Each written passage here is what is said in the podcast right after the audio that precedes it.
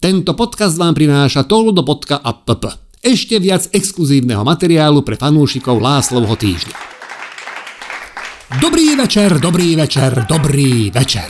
Včera nám odišlo Wi-Fi. Teda viem, akože odišlo, lebo však nohy nemá, ale prestalo vysielať signály.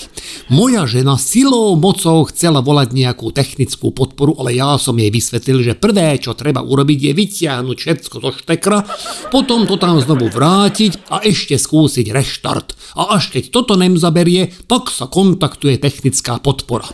Nakoniec to zvrtlo inak, lebo skôr ako sme volali technickú podporu zo Slovanetu, sme volali hasičov. Lebo ako som na streche kontroloval pripojenie káblov, tak sa mi noha zamotala do svetelného hada, ktorého som ešte furt nedal dole zo strechy od Vianoc a zahúčal som.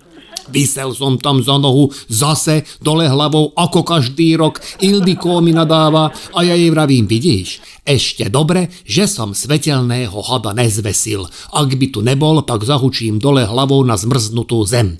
Nič iné by som vraj nezaslúžil, mi povedala. A zase nastala vždy sa opakujúci situácia. Došli hasiči. Ona si rozopla blúzku až pod pupok vonku mínus 4 a vytiahla si kozy v pušapke tak, aby navýšili objem.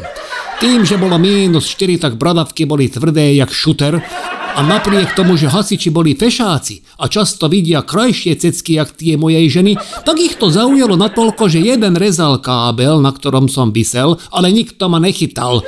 Dokonca ani nepostrehli, že som sa zjebala hlavou na tú zladovateľú zem. Nevadí, prežil som. A rozhodol som, že serem na moju iniciatívu, lebo z toho nikdy nič dobré ešte nevzýšlo a zavolal som na technickú podporu. Došiel taký fešák, keď som nebol doma a zrazu mi len volajú z polície, aby som okamžite prišiel domov, lebo že sú na ceste ku nám. Nechápal som, čo stalo, ani oni nemali ešte presné informácie, ale vraj nám niekto vlúpal do bytu a chcel znásilniť moju manželku a ona ho v sebe obrane trafila kutáčom do hlavy. Tak som cestou domov dumal, že poprvé, kto by sa už ulakomil na moju ženu a po druhé, že prečo bránil. No a po tretie mi ešte napadlo, že čo to musí byť za chudáka, ak nebol schopný ubrániť 40-kilovej 150 cm malej mrche. Zase na druhej strane, keď v nej skypí maďarský temperament. Ona tými ručičkami tak rýchlo vie metať, že to ľudské oko nestíha sledovať. To keby ste ju natočili na mobil a pustíte slow motion, tak vtedy gestikuluje tak, jak väčšina ženskej populácie v jej veku a v jej nasratosti. Keď som dorazil domov, polícia tam už bola. A už mali viac menej jasno v tom, čo udialo. To nebol násilník, to bol ten chlapec z technickej podpory na internet. Sa pýta mojej ženy, že prečo ho zbila. Vraj mal blbé reči. Sa pýtam, že jaké. No že vraj ako prvé jej pýtal, že aké rýchle by chcela sťahovanie. Ona myslela, že hovorí o jej gaťkách. To vraj ešte brala ako nemiestný for a pustila ho dnu, ale keď po prehliadke zariadenia jej spýtal, že kam by mohol zastrčiť rúter, tak už neváhala a kutáčom mu švihla do hlavy, čím mu natrhla obočie, z ktorého striekala krv takým štýlom, že nad pecou bude musieť cez víkend vymalovať, lebo to vyzerá jak z nejakého amerického thrilleru, keď príde polícia na miesto vraždy. Chlapec vyzeral nevinne, a tak som opýtal Ildiko, že ako ju len mohlo napadnúť, že je to násilník. On vyzeral jak princ Bajaja. Na čo mi moja žena povedala, že takí sú vraj najnebezpečnejší. Hovorím výborne. Tak keď bude pri ceste stopovať teba, svalnatý, zjazvený, pokerovaný, s vyholenou hlavou a v ruke bude mať samopal a v druhej motorovú pílu, tak te zastavíš, lebo to bude asi dobrá duša pravdepodobne, nem nejaký autor romantických básničiek, čo vracia z Viezdoslavovho Kubína. Policajt nevedel, ako má celú situáciu vyhodnotiť, že to záleží od mládenca, že ak podá na Ildiko trestné oznámenie, tak to budú musieť riešiť. Zobral som labého bokom a spýtal som sa, že čo by tak želal, aby nepodával trestné oznámenie. Vraj ak mu moja žena ukáže na 5 sekúnd kozy, tak ho nepodá. No, tak ako vždy, mala Ildiko pravdu.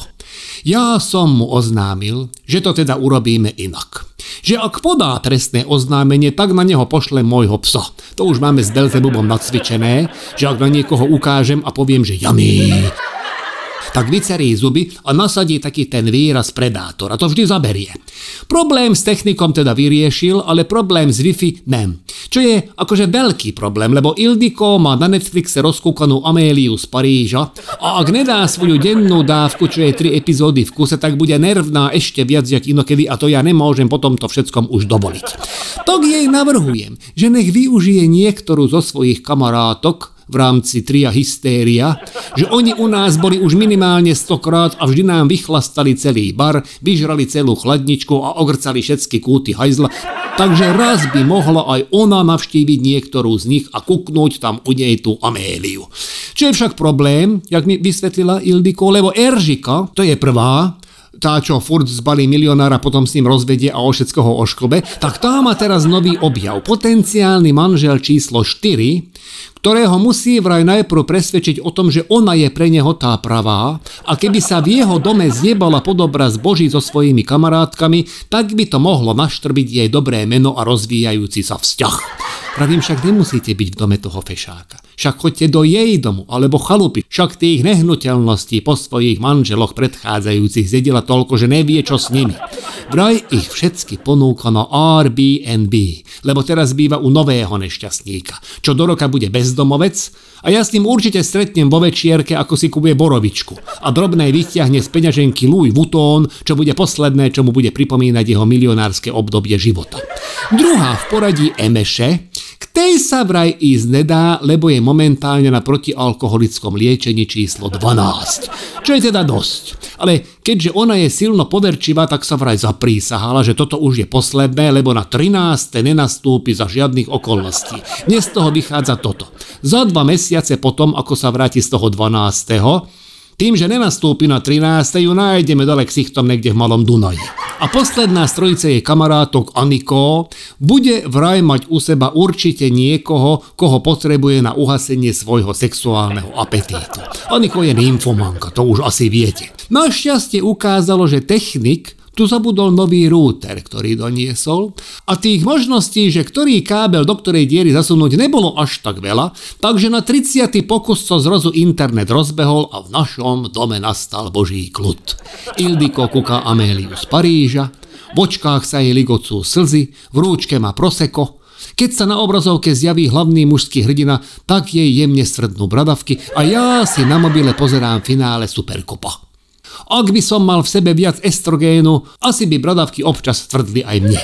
Ágoštony na tablete a občas nám všetkým trom podarí tak simultáne vykríknuť, že igen. To vtedy, ak synchrónne Amélia poboská svoju lásku v televízii, Real dá gól a Ágošton do koho odstrelí vo svojej počítačovej hre. Takto u nás plynul koniec minulého týždňa a ak chcete vidieť, ako plinie čas mne a mojej Ildiko v spálni, v kuchyni a v dielni, tak skočte na láslo.sk a kúknite, či náhodou nehráme predstavenie historky od susedov aj vo vašom meste alebo blízkom okolí. Okrem toho vám na toldo.app prinášam ďalší exkluzívny epizóda, ako aj možnosť zapojiť sa do súťaže, početovať alebo sa pobaviť na iných obrázkoch či videopríspevkoch. Nech sa už vidíme, či počujeme hoci kde a hoci ako, Želám vám všetko krásne a teším na vás opäť o týždeň. Vysont, látaš.